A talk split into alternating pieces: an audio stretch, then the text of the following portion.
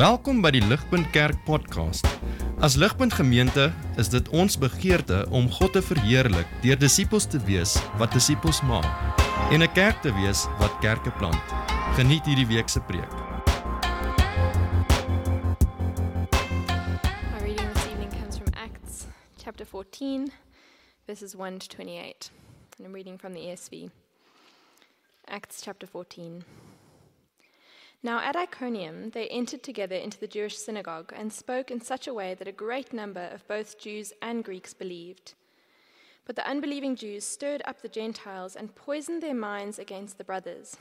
So they remained for a long time, speaking boldly for the Lord, who bore witness to the word of his grace, granting signs and wonders to be done by their hands. But the people of the city were divided. Some sided with the Jews and some with the apostles. When an attempt was made by both Gentiles and Jews with their rulers to mistreat them and to stone them, they learned of it and fled to Lystra and Derbe, cities of, Ly- cities of Lycaonia, into the surrounding country, and there they continued to preach the gospel. Now at Lystra there was a man sitting who could not use his feet. He was crippled from birth and had never walked. He listened to Paul speaking, and Paul, looking intently at him and seeing that he had faith to be made well, said in a loud voice, Stand upright on your feet. And he sprang up and began walking. And when the crowd saw what Paul had done, they lifted up their voices, saying in Lycaonian, The gods have come down to us in the likeness of men. Barnabas they called Zeus, and Paul Hermes, because he was the chief speaker. And the priest of Zeus, whose temple was at the entrance to the city, brought oxen and garlands to the gate and wanted to offer sacrifice with the crowds. But when the apostles Barnabas and Paul heard of it, they tore their garments and rushed out into the crowd, crying out, Men, why are you doing these things? We also are men of like nature with you, and we bring you good news that you should turn from these vain things to a living God, who made the heaven and the earth and the sea and all that is in them. In past generations, he allowed all the nations to walk in their own ways. Yet he did not leave himself without witness, for he did good by giving you rains from heaven and fruitful seasons, satisfying your hearts with food and gladness. Even with these words, they scarcely restrained the people from offering sacrifice to them. But Jews came from Antioch and Iconium, and having persuaded the crowds, they stoned Paul and dragged him out of the city, supposing that he was dead. But when the disciples gathered about him, he rose up and entered the city, and on the next day he went, with, he went on with Barnabas to Derbe. When they had preached the gospel to that city and had made many disciples, they returned to Lystra and to Iconium and to Antioch strengthening the souls of the disciples, encouraging them to continue in the faith, and saying that through many tribulations we must enter the kingdom of God. And when they had appointed elders for them in every church, with prayer and fasting they committed them to the Lord in whom they had believed. Then they passed through Pisidia and came to Pamphylia.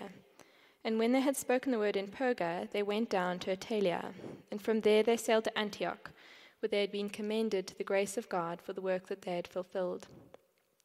And when they arrived and gathered the church together, they declared all that God had done with them, and how he had opened a door of faith to the Gentiles. And they remained no little time with the disciples. This is God's word.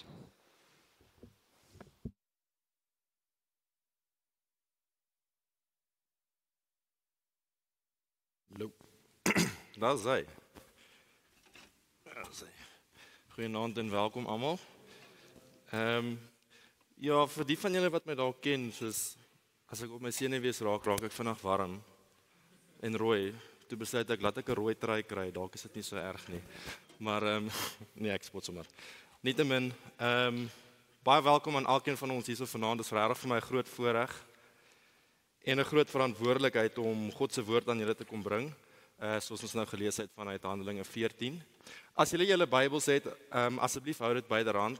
Ons gaan hier en daar na die teks kyk.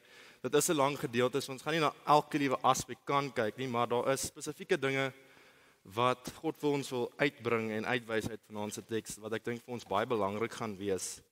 Ehm um, wat ons nou vanaand na gaan kyk.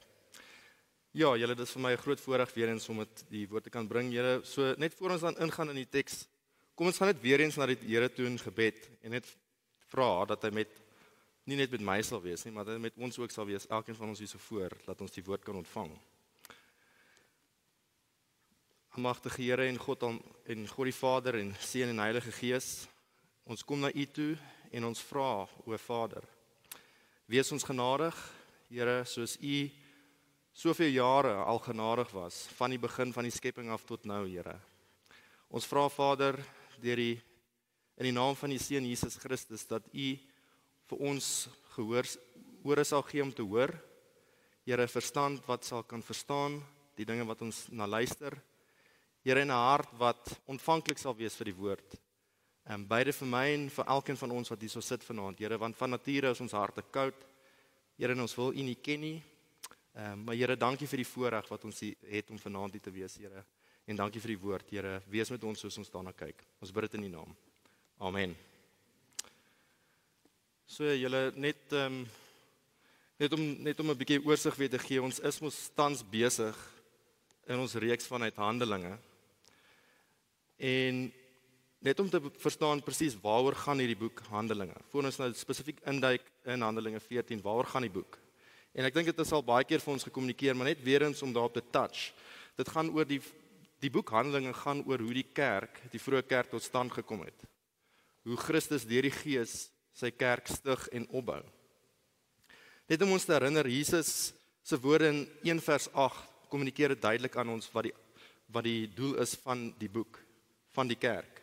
Hy sê aan sy disippels, julle kan saam my volg. Hy sê die volgende: Maar julle sal krag ontvang wanneer die Heilige Gees oor julle kom en julle moet my getuies wees in Jerusalem en die hele Judea en Samaria en tot aan die einde van die aarde. En dis wat ons basies sien uitspeel in die boek.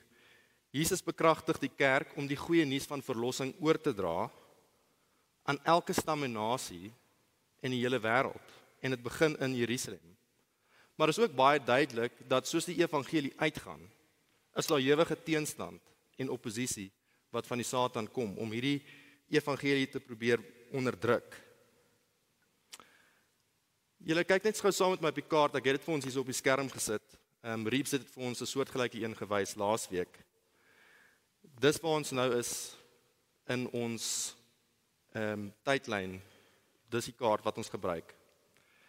So laasweek het ons gesien in hoofstuk 13 hoe die Heilige Gees en Barnabas afgestonder het juis om die evangelie ver te gaan versprei in Siprus en in Antiochië in Pisidia.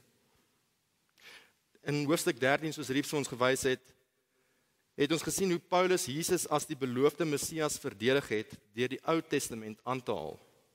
Ons het gesien mense het gelowig geword, veral heidene. Dis mense wat nie Jode is nie. Maar baie Jode het die evangelie verwerp en Paulus hulle vervolg. Van daar af is Paulus en Barnabas, soos ons vanaand sien in ons teks, na Ikonium toe. Na Ikonium toe. En daai stede wat ons sien in daai groen blokkie is waar ons 14de hoofstuk op fokus. So net om vir ons te sien, dis waar dit gebeur. So kom ons begin nou maar vanaand. Ter inleiding kom ons dink so 'n bietjie aan verhoudings. Ek dink vir baie van ons wat nog nie getroud is nie of vroeg is in 'n verhouding, het ons sekere verwagtinge. Sekere verwagtinge oor sekere dinge. Van hoe daardie verhoudingsdinamiek sal uitspeel en wat nie noodwendig strook met die realiteit nie. Miskien het ons die verwagting dat ons nooit sal vassit nie. Ons het die verwagting dat ons altyd sal saamstem met die ander persoon want ons is immers uh, verlief op mekaar. Dit hoort mos so te wees. Maar julle, wat gebeur die dag wanneer ons miskien nie eye to eye sien nie? En julle sit so 'n bietjie vas. Wat is ons verwagting dan? Dis wanneer ons kan dink en sê maar, hm, wag so 'n bietjie, dan gaan hierdie verhouding nie uitwerk nie. Kom ek gee pad. Met ander woorde, vriende, ons het 'n onrealistiese uitkyk oor 'n verhouding wat gebaseer is op 'n valse verwagting. 'n valse verwagting. Want gesonde konflik is baie keer nodig in so verhouding. Met dit gesê, julle die punt is kan ons nie miskien ook so redeneer wanneer dit kom by die evangelie en Christendom nie.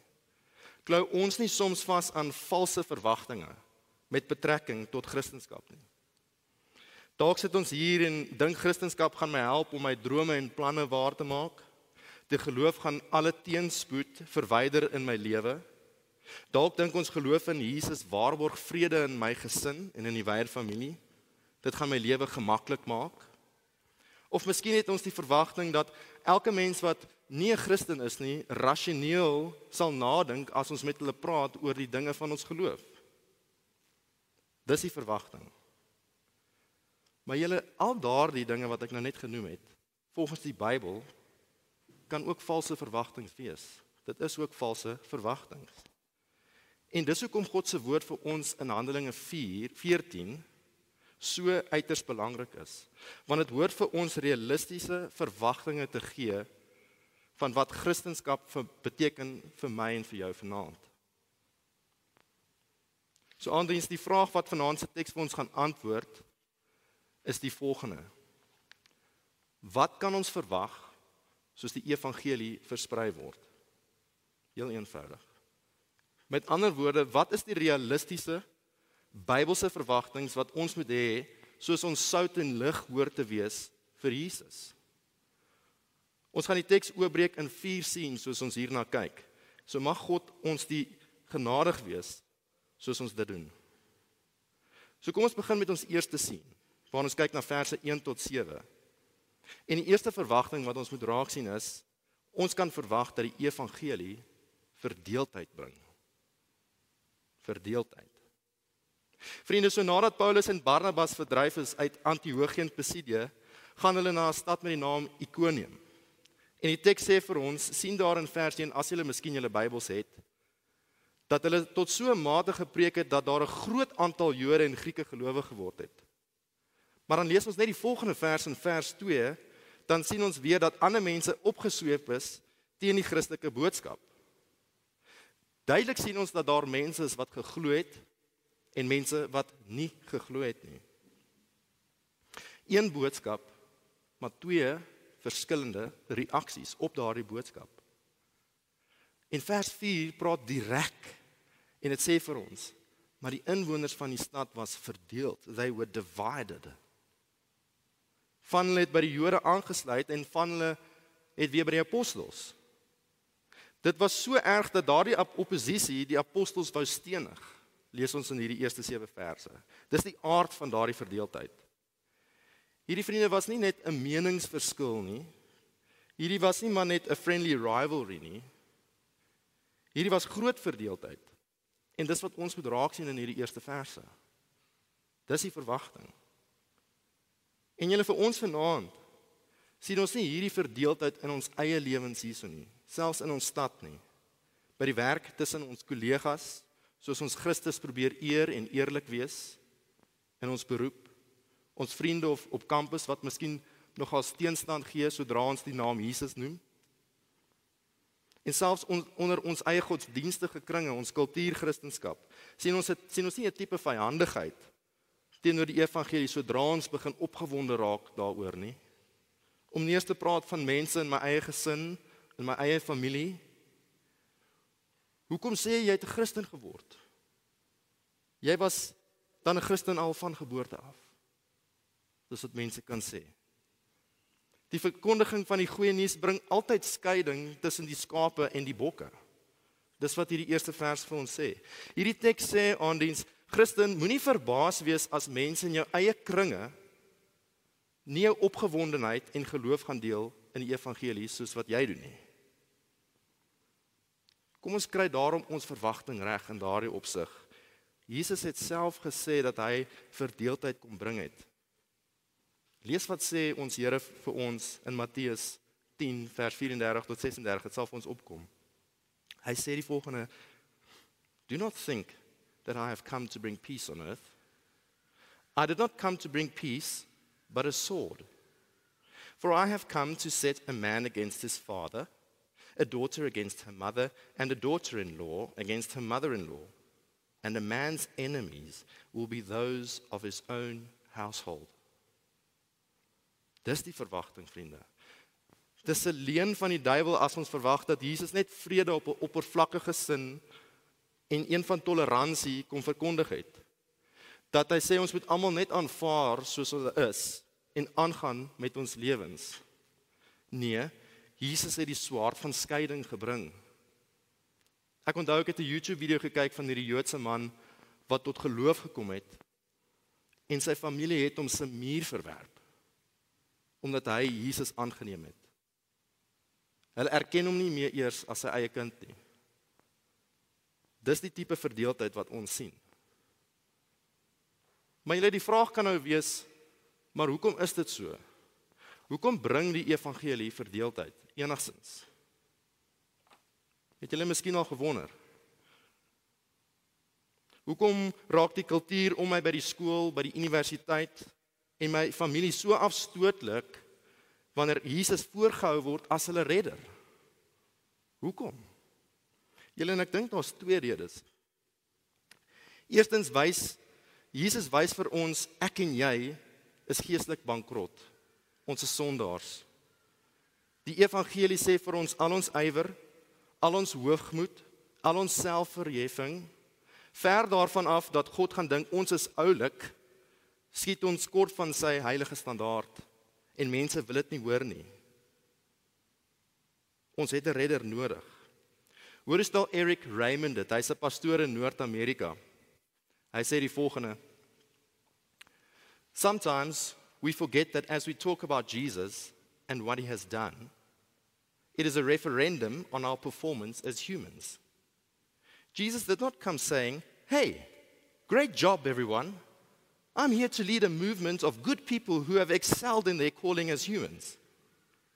Far from it. Instead, we read of Jesus saying, I did not come to call the righteous, but sinners to repentance. Vriende, Jesus het nie lekker gesit met die Jode, Paulus se eie volksgenote, toe hy vir hulle sê, hulle gaan nie deur God aanvaar word deur wetsonderhouding nie. Want dit het hulle trots, hulle performance in die drein gegooi. Vriende, is dit miskien die rede hoekom jy vanaand nie Jesus wil aanvaar nie? Dink jy jy het miskien die redding nodig nie? Dat my morele lewe goed genoeg is? Ek bid dat die Gees sal skyn op jou hart sodat hy kan indring en uitflesh of dit regtig so is. En tweedens hoekom die evangelie verdeeldheid bring is omdat Jesus as die enigste weg na die Vader voorgehou word. Martin Lloyd Jones het eens gesê dat Christianity is a very exclusive and dogmatic faith. Ondiens Jesus kan nie op dieselfde vlak gesit word as Mohammed, as Boeddha, as Zeus of Baal nie. Hy is die enige gebore seun van God. Dit sit nie lekker met ons relativistiese wêreld wat vir ons vir wil kom sê ja, maar elkeen het maar hulle eie waarheid nie. Ons kan maar net glo wat ons wil nie. Nee. Jesus sê I am the way, the truth and the life. No one comes to the Father but by me. Daarom vriende mag ons altyd hierdie verwagting in gedagte hou dat die evangelie verdeeldheid gaan bring. Dis nie 'n uitsondering nie, maar dis die norm. Christendom wys ons het 'n redder nodig en Jesus is 'n eksklusiewe redder. Hoe staan my in jou hart teenoor die saak? Vriende, met dit gesê, kom ons beweeg dan aan na die tweede sien toe waar ons kyk na verse 8 tot 18. Sien saam met my net weer op die skerm die kaart gaan wys. Ehm um, ons lees verder dat nadat die mense in Ikonium Paulus en Barnabas wou stenig, het hulle gevlug na Lystra en Derbe en die evangelie daar gaan verkondig. In Lystra aangekom, genees Paulus 'n gebreklike man deur die krag van die Heilige Gees omdat hy geloof gehad het. Dis verse 8 tot 10. Maar vriende, waarop ons nou veral wil fokus, is vanaf verse 11 tot 18, die gevolg van die genesing. Dis waarna ons gekyk, die gevolg van die genesing.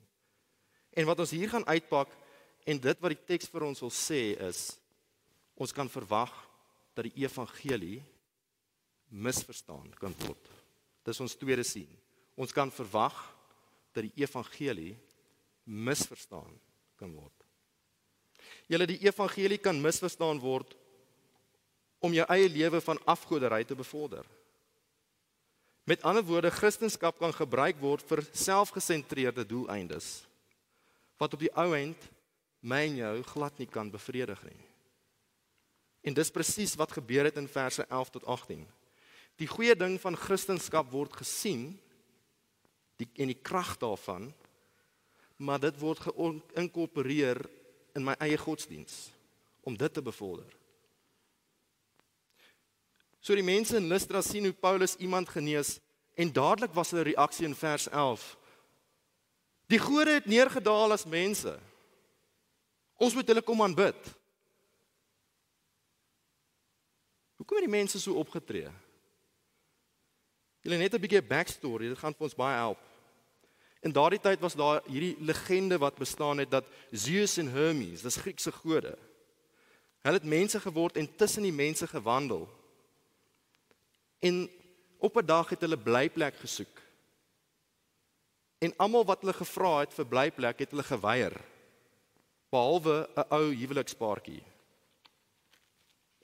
So as beloning het Zeus en Hermes hierdie huwelikspaartjie het hy het hulle hulle huis verander in 'n majesteuse tempel, goud en marmer. Wow. En die mense wat geweier het, hulle huise is toe platgeslaan, is vernietig as straf. Daai is die legende.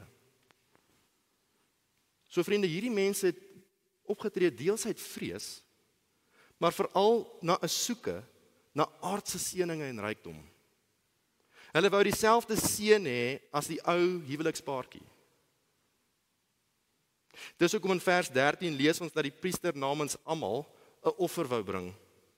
If we can just appease the gods, then maybe maybe they'll not only spare our lives, but they will in fact make us prosperous. Dis hoe hulle geredeneer het. Dis waarna toe die misverstaan van die krag van die evangelie hulle na toe gelei het, na die bevordering van self. Maar die afgode sê Paulus, sê die apostels in vers 15 is nuttelose dinge. Vain things. En hy het groot skok oor wat die mense wou doen, skeer hulle hulle klere. Nou verbeel julle as iemand vir vir vir hulle godsdiens van hoeveel jare kom sê het dis 'n vain thing. Dis nutteloos. Hoe sou hulle gereageer het? amper soos dit. Ek dink nie hulle sou happy wees nie. hulle sou nie happy wees nie. Dis soos om vir 'n groep rugby spelers by Loftus te gaan sê die sport is useless. En dis wat Paulus hier kom doen. Dit gaan nie lekker sit nie. Maar julle vir ons vanaand die vraag is watse aardse god vra die teks aanbid ons nie miskien vanaand met die oog om onsself te verhef nie maar onder die label van kristendom nie is daar miskien van ons hier wat met die vervalse verwagting sit en dink dat dit oukei okay is om kristendom bloot te hê sodat ek my eie shine sal vang. sien ons die krag van die evangelie maar gebruik dit vir eie voordeel. Wie van ons hang kristendom bloot aan om jou reputasie te behou vir mense? Ek sê ek is is Christen want die krag agter die naam Christen laat my inpas in die groter kultuur. Ek praat die regte evangelie taal vir my familie en by die kerk en hulle dink ek is geestelik oukei. Okay.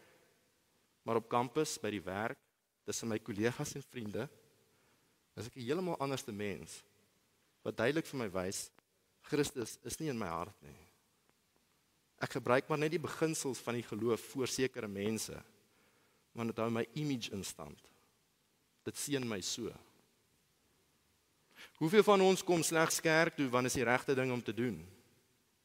Dit laat my goed voel dat ek kan sê ek was by die samekoms op 'n Sondag. En dit wys die ander om my dat ek ook 'n getroue kerkganger is.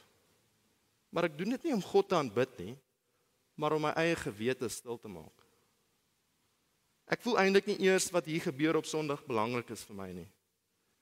Maar ek kan darm my social network aan die lewe hou. Kerk gaan gee my miskien 'n gevoel van ek lei 'n goeie morele lewe. Solank die oppervlak, die evangelie die oppervlak van my lewe skoon hou, dan is dit goed genoeg. Sien ons nie ook die soms dieselfde ding in ons loopbane nie. Ons bid: "Ag Here, help my om hierdie werk te kry wat gaan maak dat ek soveel verdien en hierdie en hierdie droom van my lewe waar kan maak." Ag Here, help my om in te kom vir hierdie studierigting wat my eendag in staat sal stel om miljoene te verdien. Ek sien die krag van gebed in ander mense se lewens, Here. Ek soek hierdie krag in my lewe. Wat sê dit van ons harte? Is dit nie die valse verwagting dat die krag van Christendom eintlik maar daar is om myself te bevorder nie wat afgoderry is? Julle is dit waaroor die evangelie gaan. 'n Krag om te gebruik vir myself. Nee. En vra jouself die vraag: gaan so 'n verwagting waar ek in die senter is en Jesus op die kantlyn gaan dit vir my ewige bevrediging gee? Kan dit vir my ewige bevrediging gee? Vriende soos Paulus hulle vir die heidene geskreeu het toe hulle die apostels waan bid, pleit die teks vanaand en ek pleit met julle vanaand in die woorde van vers 15, draai weg van hierdie nietige dinge en draai na die lewende God toe. As ons gaan toelaat dat ons reputasie, menslike goedkeuring, ons drome en ons loopbane die einddoel is en die evangelie maar net 'n middel tot daardie doel, dan sê die woord vir ons jy gaan vir ewig teleurgestel wees. Want dit gaan saam met jou eendag doodgaan. Dis vain things. Useless things. Draai na die Here toe. Die Here Jesus, hy's die lewendige een. Hy alleen kan jou bevredig. Augustine het eens gesê every man has a god-shaped hole that only Christ can fill. Vriende, net soos die heidene offers gebring het, net so gaan jy al hoe meer geestelike offers moet bring om jou reputasie, moraliteit en aspirasies aan die lewe te hou. As hierdie ding jou eindpunt is. Anders hoor my asseblief mooi. As die evangelie misverstaan word as 'n middel tot 'n groter einddoel met jou as die kernpunt, dan is ons verslaaf aan nietige dinge. Maar die teks sê vir ons daar's 'n beter boodskap. En dit is die ware evangelie met Jesus as die einddoel kom maak jou vry. Dis wat Jesus in Johannes 8 vers 32 sê and you shall know the truth and the truth shall make you free. Enige lewe waar Jesus Christus nie die doel is nie, tap jy mense lewe leeg. Maar die ware God is jou lewe as jy na hom toe sal draai. Dis wat Paulus sê vir sy gehoor en dis wat ons vanaand ook moet hoor. Julle ek gaan 'n bietjie hier by stil staan want dit is uiters belangrik dat ons hierdie hier sien wat die hart van God is. Dink gaan net weer aan ons storie. As konteks. As ons eerlik is, moet ons bely dat ons almal van nature ook afgode aanbidders is. En die Bybel sê vir ons ons verdien God se straf. Romeine 1:3 vers 11 sê vir ons duidelik dat daar niemand is wat God soek met hulle hele hart nie. Maar is genaamd se teks nie vir ons 'n getuienis van God se genade nie. Vriende, het die boodskap, dink daaraan. Het die boodskap van Jesus Christus gekom na hierdie heidene omdat hulle daarvoor gevra het? Nee. Hier word Jesus gepreek aan mense wat in duisternis wandel en Paulus roep hulle om na God toe te draai. En ook vanaand so julle. As jy nog nie Christus aangeneem het as verlosser nie. Hy word vanaand vir jou aangebied. Al het jy hom nie gesoek nie. Hy het jou kom soek vanaand. Hoor is dit Handelinge 17 vers 30 dit tot 31 lees saam met my. Paulus sê daar ook hierdie is in Athens. Hy sê God het die tye van onkunde oorgesien. Maar nou roep hy alle mense oral om hulle te bekeer. God calls all men to repentance. Want hy het 'n dag bepaal waarop hy die wêreld in regverdigheid gaan oordeel deur 'n man wat hy daarvoor aangewys het. En hy het dit aan almal bevestig deur hom uit die dood te laat opstaan. Anders God soek nie Jode nie, nie net Jode nie. Hy soek nie net mense wat hulle lewens in orde het nie. Hy soek nie net mense uit godsdienstige kringe nie, maar hy kom soek selfs heidene. En hy kom soek vir jou. Jy is vanaand nie hier per toeval as jy sit en jy ken nie vir die Here nie. Redding is oop vir elkeen van ons vanaand, ongeag of jy dit nou vir die eerste keer hoor of nie. Vriend of vriendin, moet hom asseblief nie verwerp nie. Jou ewige bestemming hang daarvan af. Hy gaan die wêreld in regverdigheid oordeel deur Jesus Christus. Dat die Heilige Gees sal diep sny in jou hart vanaand en jou oortuig van sonde. Dat jy die nietighede van jou lewe en afgoderry sal prysgee vir die kroon van die lewe. Daar's redding in geen ander naam nie behalwe Jesus Christus. En hy is hier vanaand.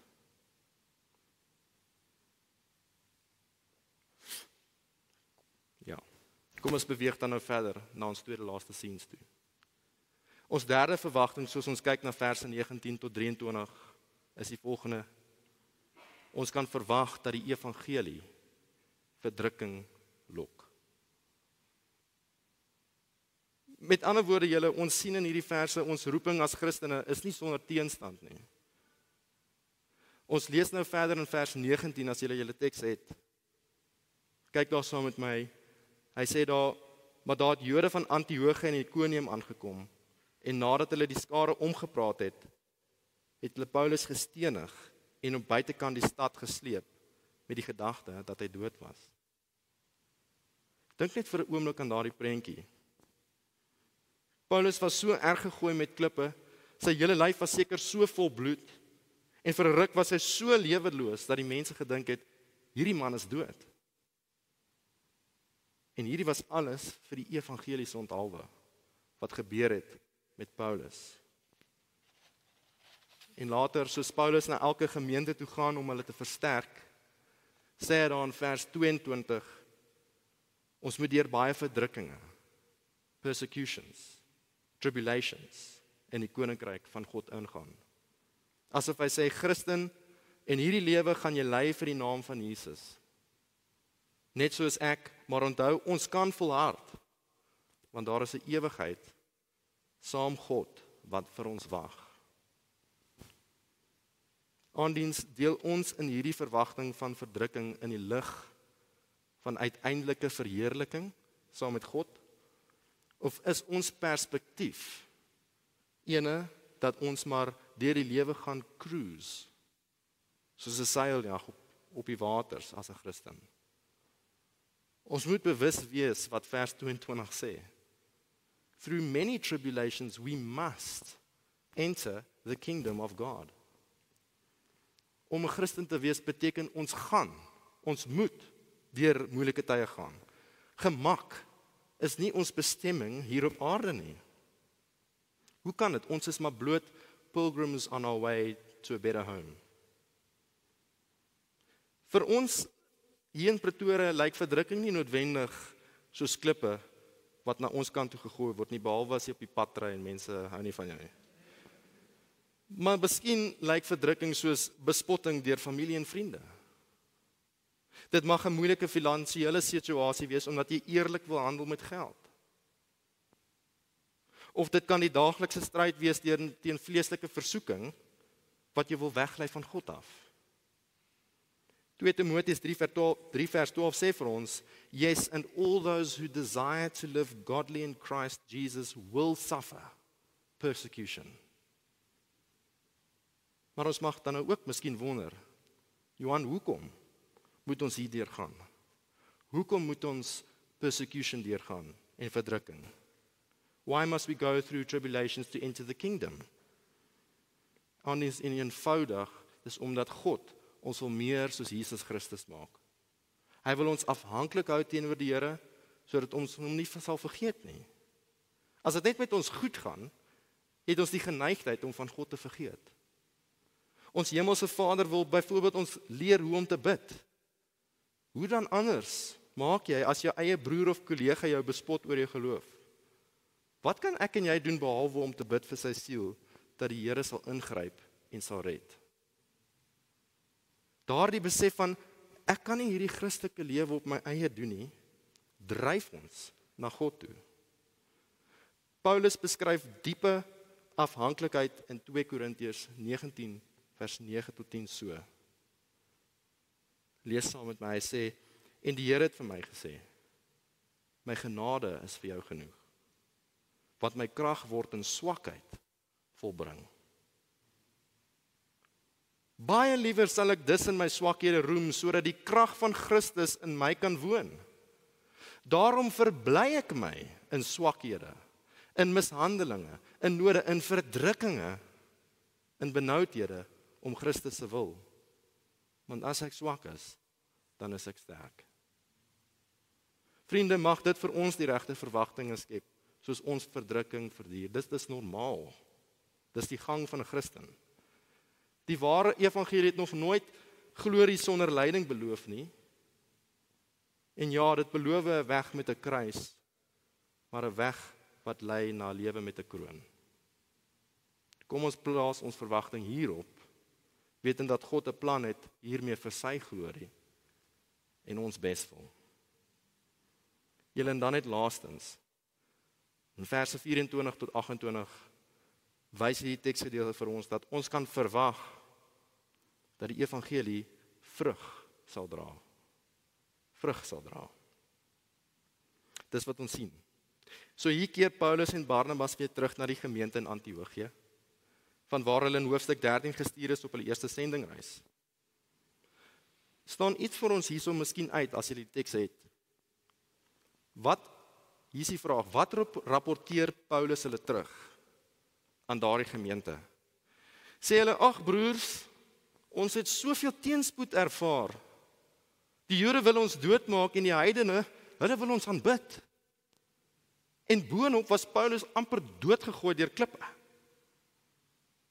Dis nie wat hulle gesê het nie. Dis vers 27.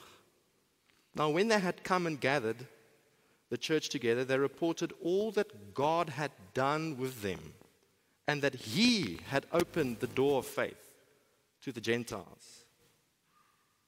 Die apostels het erken dat hulle missie suksesvol was ten spyte van teenspoed want die Here is in beheer van die groei van sy kerk.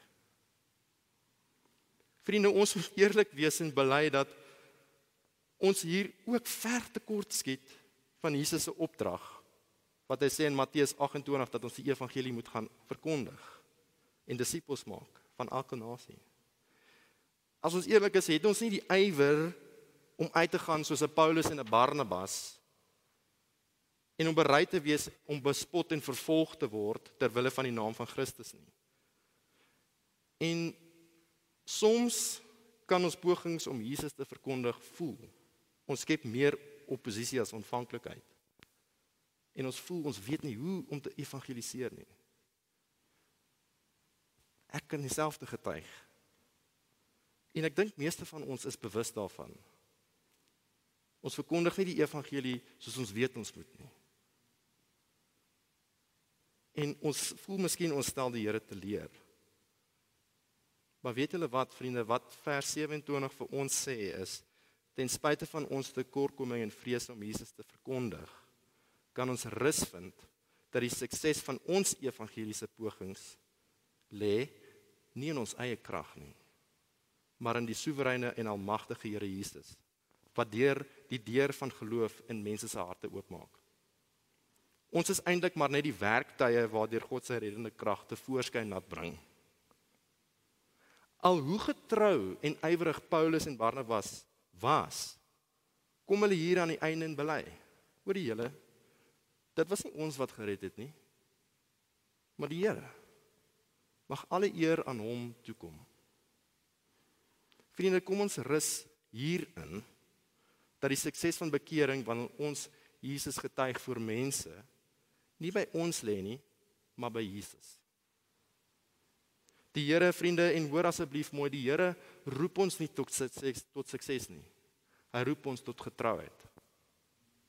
The Lord has not called us to success, but to faithfulness. Soos Paulus skryf in 1 Korintiërs 3, is dit vir ons ook waar. Lees dit saam met my soos ons nou afsluit. Hy skryf: Who then is Paul? And who is Apollos? But ministers through whom you believed, as the Lord gave to each one. I planted, Apollos watered, but God gave the increase. So then neither he who plants is anything, nor he who waters, but God who gives the increase. Mag dit ons bemoedig om ons deel te doen, Christen. Vir Jesus by die huis, tussen ons vriende, by die werk, dat al ons gebroke pogings kan God gebruik om die opbrengs te gee. Mag alle eer en glorie na hom toe kom soos ons dit doen julle. Mag ons verwagtinge vanaand dan in lyn wees met wat die Christskrif sê dat die evangelie verdeeldheid bring. Dit kan misverstaan word. Dit lok verdrukkinge. Maar bo dit alles sal God die vrug dra. Mag hy in ons krag gee soos ons dit doen. Kom ons bid saam.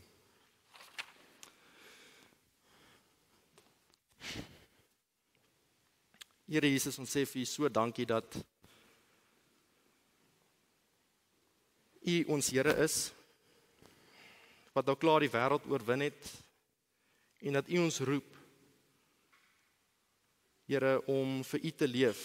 Here nie om ons redding te bewerkstellig nie, maar om met dankbaarheid te lewe vir U. As mense wat al klaar gered is deur U. Here sal U asseblief ons verwagtinge regstel dat ons reg kyk na die wêreld vanuit Christelike oë. Here ons bid vir die mense as daar iemand is ook hier vanaand Here wat U nie ken nie dat die evangelie sal deurdring in hulle harte. Here ons bely dat ons geen krag in onsself het om mense te red nie, net soos Paulus en Barnabas besef het. Maar dat U die ene wat die deur van geloof oopmaak om mense te red. Here kom doen daardie werk vanaand en in ons lewens soos ons uitgaan hierdie week om sout en lig te wees vir U. Wees ons genadig, o Here. Ons bid dit in U naam. Amen. Vir meer inligting oor Ligpunt Kerk, besoek gerus ons webwerf op www.ligpunt.com of kontak ons gerus by info@ligpunt.com